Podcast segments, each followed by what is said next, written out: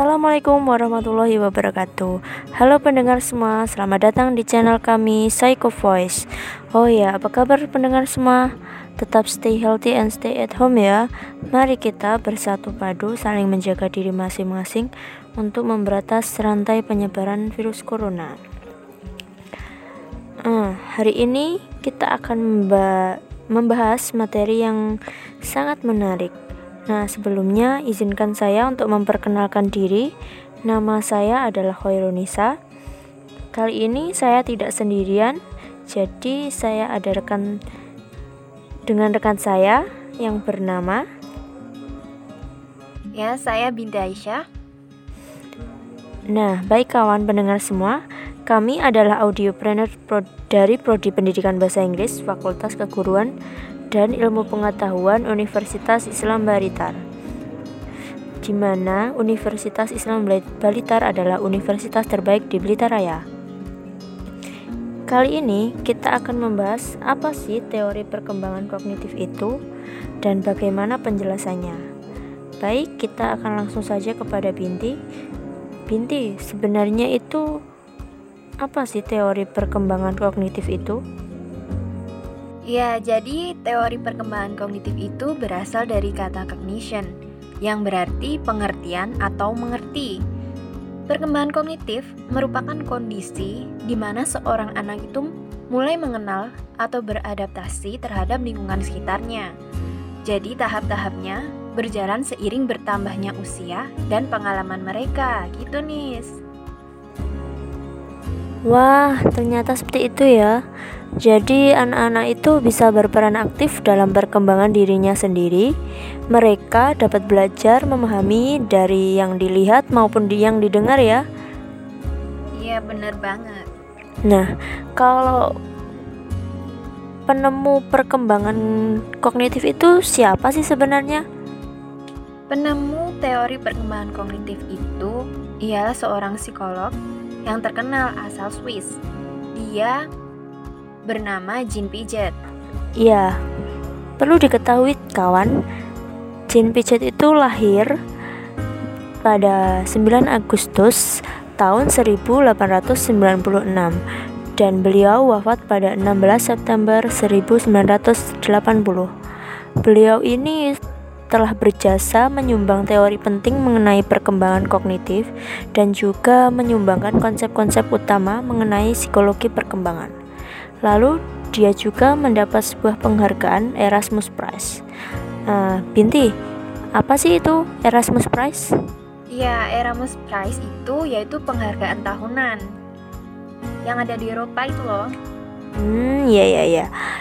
Nah, gini kawan, sebenarnya Erasmus Prize itu adalah penghargaan yang diberikan oleh lembaga yayasan Premium Erasmium kepada orang atau institusi yang telah menyumbangkan hal atau suatu hal yang luar biasa baik budaya, ilmu sosial maupun apa saja di Eropa dan di dunia. Nah, menurut Pijat sendiri, anak-anak itu memiliki cara berpikir yang berbeda dengan orang dewasa.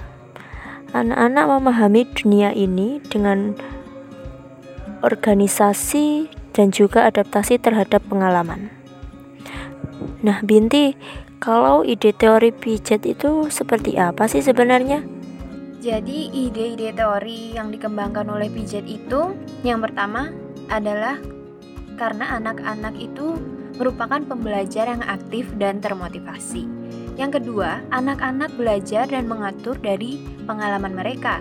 Yang ketiga, interaksi lingkungan sangat penting untuk mengembangkan, mengembangkan diri mereka. Yang keempat, interaksi dengan orang lain itu sangat penting untuk belajar dan berkembang.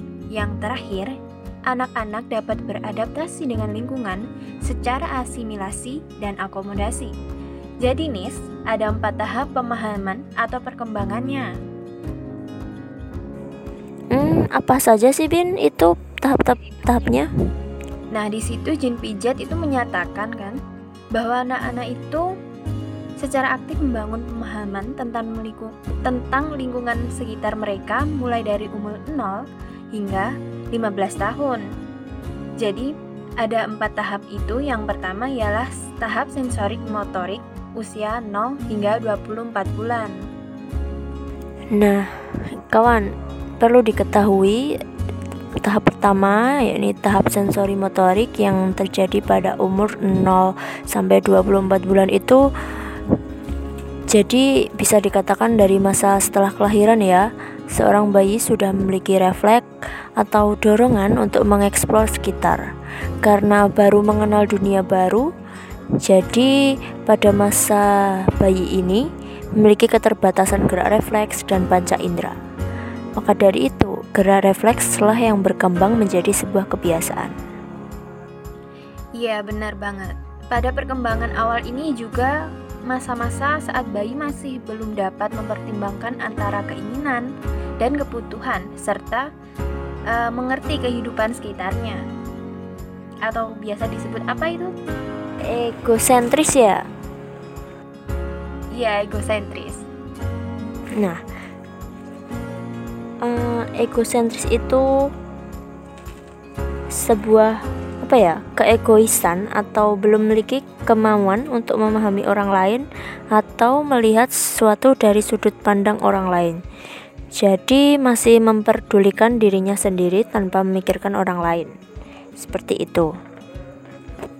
Nah, pada usia 18 bulan, bayi sudah mampu menciptakan simbol-simbol dan mengerti fungsi benda-benda sekitar yang menurutnya tidak asing. Jadi begitu ya.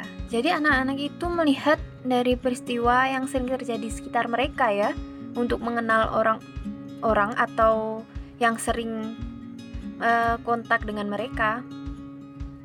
Nah, benar Bin. Nah, yang tahap keduanya yakni tahap praoperasional. Tahap ini terjadi pada umur 2 sampai 7 tahun. Nah, pada tahap ini, anak sudah mulai bisa menerima rangsangan walaupun masih terbatas. Nah, anak juga sudah mulai memasuki lingkungan sekitar ataupun sosial mereka. Nah, bagaimana cirinya? Ya, ciri-cirinya itu anak-anak sudah mampu mengekspresikan diri sendiri secara mental meski secara logika masih belum memadai, Bin. Nah, pada masa ini maka mereka itu masih egosentris seperti itu. Ya, masih egois ya. Ya karena hanya mampu mempertimbangkan hal-hal dari sudut pandang mereka sendiri. Jadi masih sulit mengerti perspektif orang lain. Nah, betul Bin. Jadi pada usia ini anak itu cenderung menyukai, menyukai benda-benda berwarna meskipun bentuknya itu berbeda-beda dianggap menarik gitu ya. Ya, benar sekali. Yang selanjutnya, tahap ketiga yaitu tahap operasional konkret. Ini tahap ini itu dari umur 7 hingga 11 tahun. Masa ini, anak-anak sudah pandai mengenali sesuatu, mengklasifikasi objek atau situasi. Juga peningkatan daya ingat anak mulai berkembang jadi Nis, anak-anak itu sudah mampu memahami sebab dan akibat secara rasional dan sistematis. Oh, begitu ya. Jadi pada tahap ini itu egosentris uh, mulai perlahan menghilang dan anak-anak itu sudah bisa mulai memahami keperluan dan sudut pandang orang lain ya. Iya, benar banget. Dan yang terakhir ini tahap keempat nih, tahap operasional formal dari umur 11 hingga 15 tahun. Tahap terakhir yang Pijet nyatakan yaitu pada tahap ini anak mampu berpikir secara abstrak dan lebih logis daripada tahap yang sebelumnya. Jadi anak-anak mampu mengembangkan gambaran sesuatu secara ideal, mulai memikirkan masa mendatang atau masa depan juga memahami konsep manusia adalah makhluk sosial sehingga mereka sanggup menguji hipotesis dengan logika. Nah, oh seperti itu ya Bin ternyata. Nah, jadi yeah. seperti yang kita bahas tadi empat tahap tersebut ternyata itu juga bisa dicapai dalam usia yang bervariasi dan juga urutannya itu tidak selalu sama. tidak ada tahapan yang diloncati maupun tidak ada urutan yang mundur. Lalu, apa sih faktor yang mempengaruhi perkembangan kognitif anak, Bin? Faktornya itu ada dua. Satu, keturunan, dan yang kedua adalah lingkungan. Faktor keturunan yang mem yang mempengaruhi anak yaitu keluarga atau orang tua anak itu tersendiri. Hal ini menentukan perkembangan intelektual anak dan kemungkinan anak memiliki kemampuan berpikir seperti orang tua mereka. Seperti itu. Oh iya, kalau menurut faktor keturunan itu juga bisa membuat kondisi berpikir anak dapat berkembang dan tidaknya apa berkembang dan tidaknya itu bisa tergantung dari orang tua ya ternyata anak-anak masih belum bisa iya, mengatur bener. emosi mereka yang masih labil itu. Ya maka dari itu peran orang tua nih sangat dibutuhkan untuk me membentuk mental dan intelektual anak. Dan yang kedua yaitu faktor lingkungan tadi. Lingkungan sekitar itu juga sangat mempengaruhi perkembangan anak, misal lingkungan keluarga atau lingkungan sekolah. Jadi, pada lingkungan keluarga, keluarga memiliki keluarga yang memiliki hubungan sehat itu juga memfasilitasi perkembangan anak. Juga jika per, um, hubungan antar keluarga itu tidak baik dan juga memiliki uh, timbal balik yang tidak baik juga untuk pertumbuhan anak tersebut. Oh iya iya ya. Kalau menurut saya contoh dari faktor keluarga itu misalnya hubungan anak dengan orang tua itu harus saling terbuka ya dengan satu sama lain sehingga yeah. kalau seumpama ada masalah maka akan muncul solusi.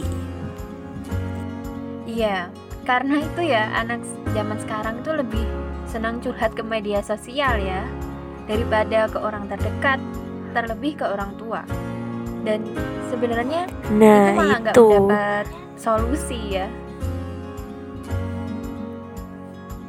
justru dapat haters itu.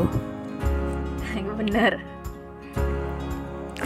Nah, kalau selain faktor keluarga itu ada faktor sekolah kan? Nah, itu seperti apa sih, Bin?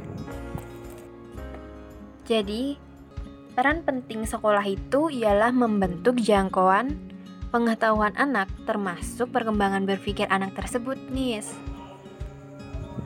Oh, jadi peran pengajar atau guru itu yang dikatakan sebagai orang tua di sekolah juga punya peran penting ya. Iya benar. Jadi guru itu harus menunjukkan sikap yang baik di hadapan siswa karena mereka lah yang ditiru saat di sekolah. Iya, setuju. Bisa dikatakan bisa jadi teladan bagi siswa ya. ya. Dan guru itu juga harus mampu menanamkan sikap solidaritas antar sesama karena kan ya lingkungan sekolah jadi kita ini semuanya keluarga ya nah tadi kan kita sudah membahas dari tahap-tahap dan juga faktor nah kita itu juga akan membahas implementasinya dari teori perkembangan kognitif itu jadi sebagai seorang guru guru itu harus mampu beradaptasi dan juga mengerti cara pikir dari anak tersebut jadi itu harus mengerti anak itu seperti apa sih pikirannya, dia itu karakternya seperti apa. Nah, yang kedua, tidak menghukum siswa jika meng menjawab pertanyaan yang salah. Karena kalau jika menghukum itu termasuk gimana ya? Itu kurang tepat. Nah, yang ketiga, membimbing siswa menemukan dan juga menyelesaikan masalahnya sendiri. Jadi kita juga harus mengajarkan untuk siswa itu jadi mandiri. Yang keempat, memilih pendekatan ke siswa yang sesuai dengan tingkat perkembangan anak. Nah, yang selanjutnya itu memberikan peluang kepada anak agar belajar sesuai dengan tahap perkembangan.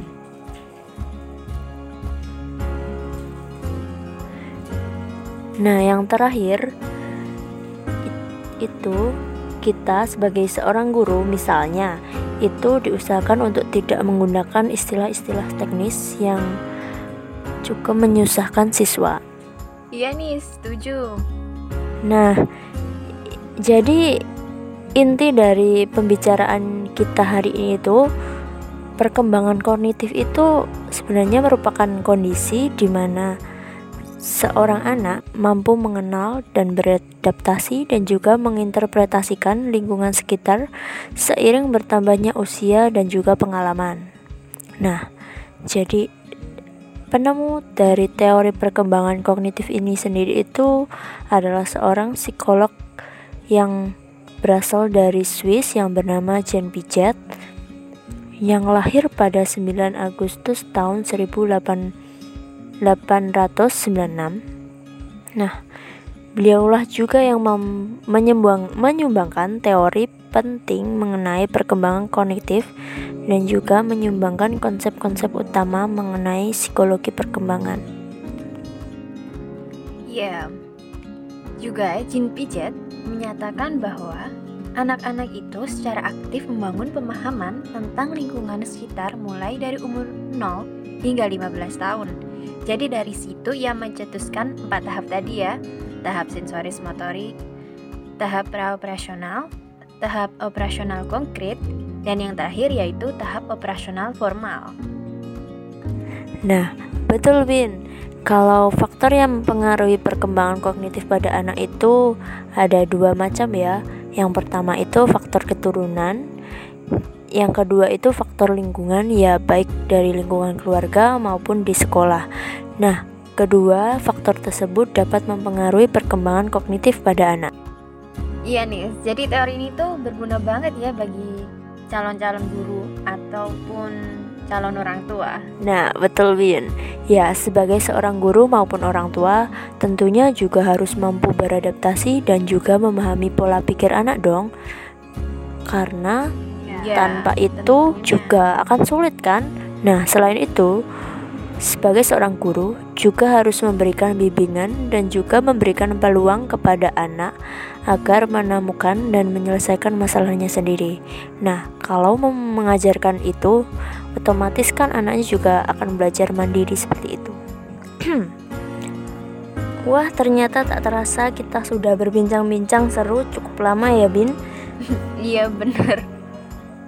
Nah, saatnya kita untuk mengakhiri podcast kita hari ini. Jadi, saya ucapkan terima kasih atas kebersamaan dengan kami. Salam sehat dan salam entrepreneur Unisba. Kreatif, integratif, inovatif, dan energetik. Sampai jumpa.